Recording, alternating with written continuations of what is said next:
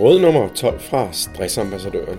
Jeg hedder Jesper Peter Rasmussen, og jeg står bag Stressambassadøren, og jeg har samlet i alt 16 vigtige råd omkring behandling og forebyggelse af stress, som jeg vil dele med dig, da jeg tror og håber på, at mine råd vil kunne gøre en forskel for mange mennesker, og forhåbentlig også for dig.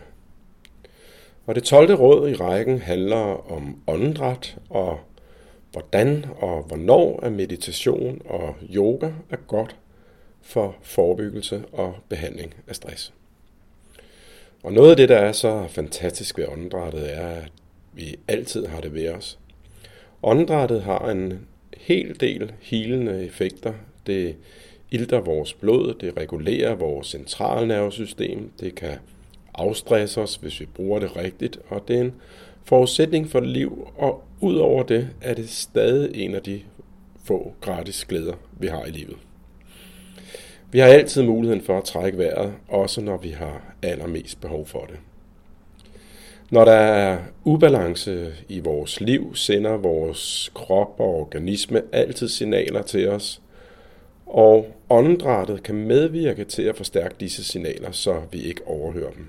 Signalerne kan vi mærke ved mave- eller hovedpine, rygsmerter, indre uro, søvnbesvær og lignende.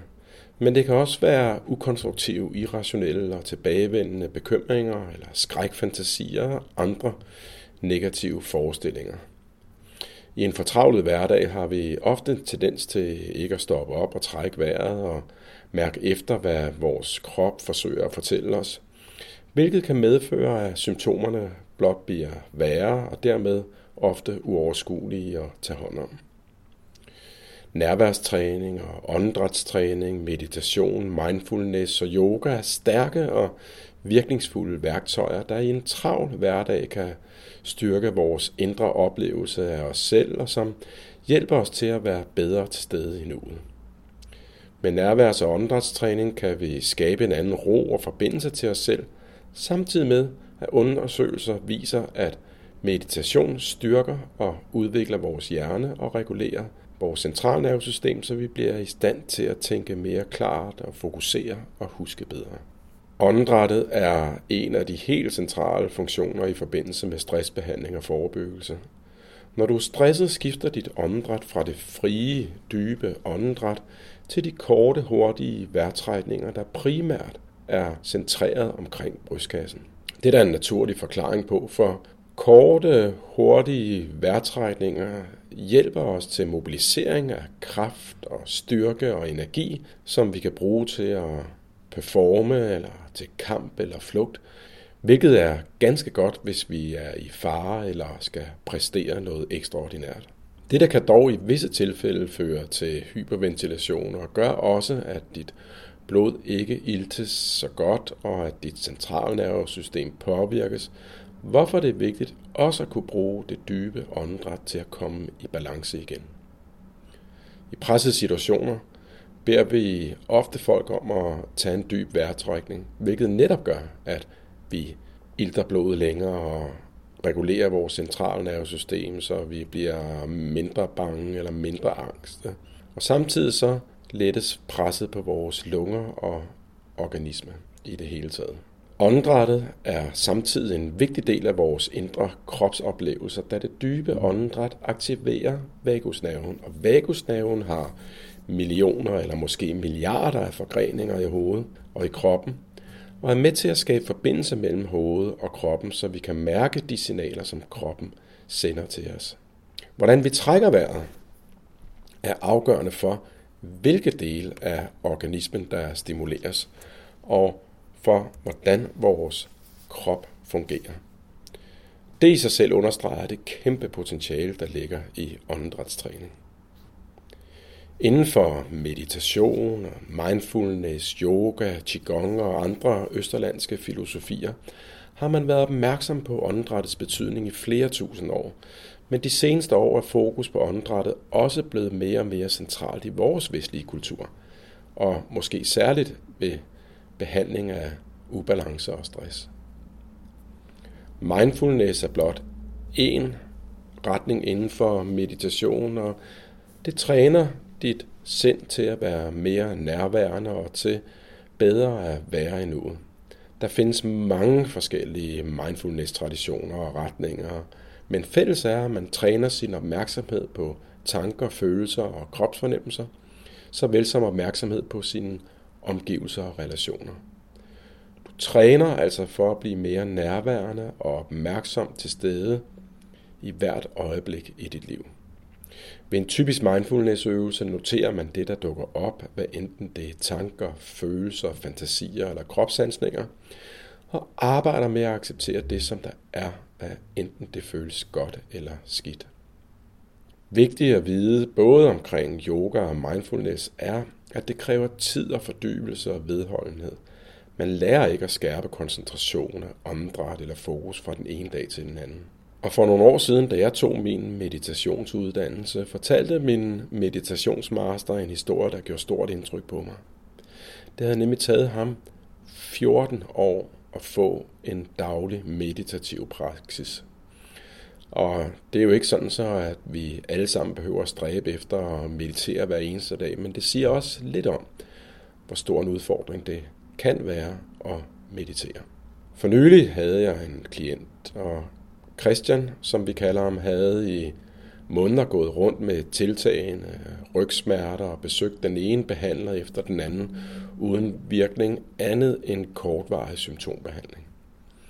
Og nogle af behandlerne formåede at lindre smerterne en kort periode, men efter et stykke tid, så vendte smerterne tilbage igen med samme styrke som tidligere.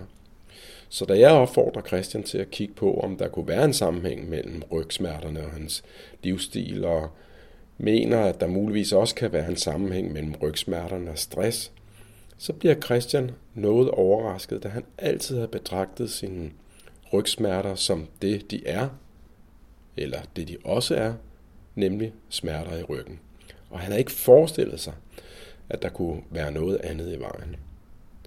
Under coachingen, hvor vi blandt andet laver åndedrætstræning, får han hjælp til at mærke efter på sine spændinger og smerter. Under coachingen, hvor vi blandt andet laver åndedrætstræning, får han hjælp til at mærke efter på sine spændinger og smerter, frem for at forsøge at fjerne eller ignorere dem. Og det bliver hurtigt klart for Christian, at der er en sammenhæng mellem rygsmerterne og det travle og udfordrende liv, han lever. Han får derfor hjælp til at lægge sin livsstil om og lære at afspænde sin krop med hjælp fra åndedrætstræning. Og Christian beslutter sig desuden for at starte et mindfulness-forløb op, da han i højere grad gerne vil have kontakt til sin krop og de signaler, han får fra den. Med denne nye opdagelse eller erkendelse, kan man nærmest sige, forholder han sig til hele sin livsførelse, og efter en gradvis livsstilsændring forsvinder rygsmerterne i løbet af nogle ganske få måneder. Processen mellem vores krop og sind er både dynamisk og gensidig, og arbejdet med mentale processer kan også den anden vej rundt løse op for spændinger i kroppen. Det gør vi blandt andet, når vi sætter ord på, hvad der stresser os.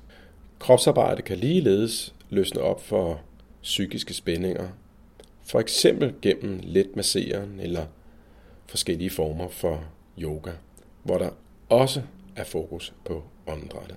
Det er dog vigtigt at understrege, at det ikke er alle former for bevægelse eller alle former for kropsarbejde, der har denne effekt. Mange former for ekstrem sport har for eksempel den stik modsatte virkning, da det ofte her netop er målet at overskride sine kropsgrænser. Her kan målet i sig selv være at undlade at lytte til kroppens signaler, så man ikke mærker den smerte, der er i kroppen. Som cykelrytter ved jeg bedre end nogen, hvor vigtigt det er at kunne tåle og ignorere smerte under træning og i cykelløb. Men hvis jeg slet ikke lyttede til mine kropssignaler, så vil jeg risikere både overtræning og skader. Og derudover har min viden om træning og det dybe åndedræt. Visse former for yoga kan være godt for en stresset krop. Yoga er et indisk bevægelsessystem, og der er en bred vifte af yogaskoler og retninger, og blandt de mest kendte typer, som man møder i det danske yogastudier eller på YouTube, er Hatha Yoga, eller Astanga, eller Strala, eller Bikram Yoga. I yogaen arbejder man blandt andet med yang og yin energi, altså den maskuline og den feminine energi. Og hvilken yogaform du skal vælge i forhold til stress er forskelligt alt efter, hvor du er i din stresscyklus. Og som udgangspunkt skal du lave yin og restorativ yoga, hvis du er meget stressbelastet og har brug for hvile og et åndenhul, hvor du samtidig kan regulere dit centrale nervesystem.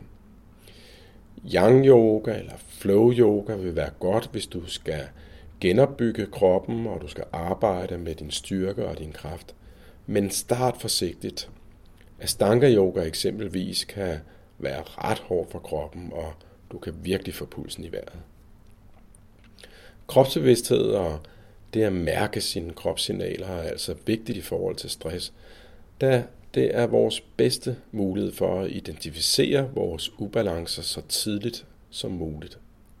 Der er mange nyttige tips og teknikker, så find det, der passer til dig og dit temperament. En enkelt åndedrætsøvelse, du kan lave for at mærke efter på, hvor i kroppen du trækker vejret, og som kan give dig en bedre fornemmelse af din krop, kommer her.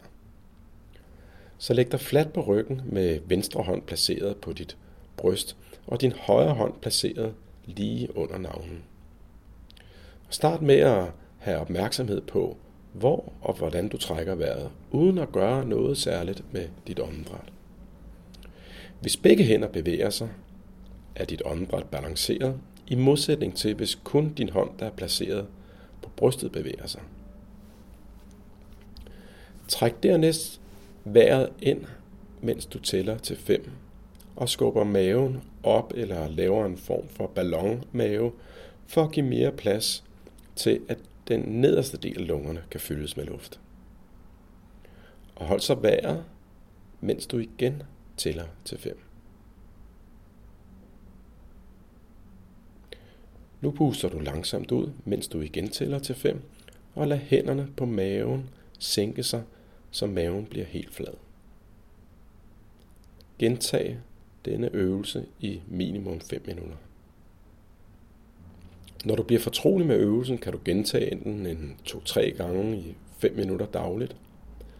Og så vil du samtidig arbejde med at få den hvile og de pauser, som din krop og din hjerne også har brug for i løbet af dagen.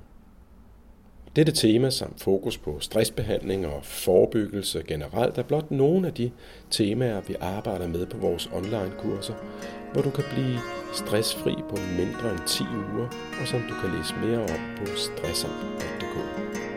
Rigtig god fornøjelse.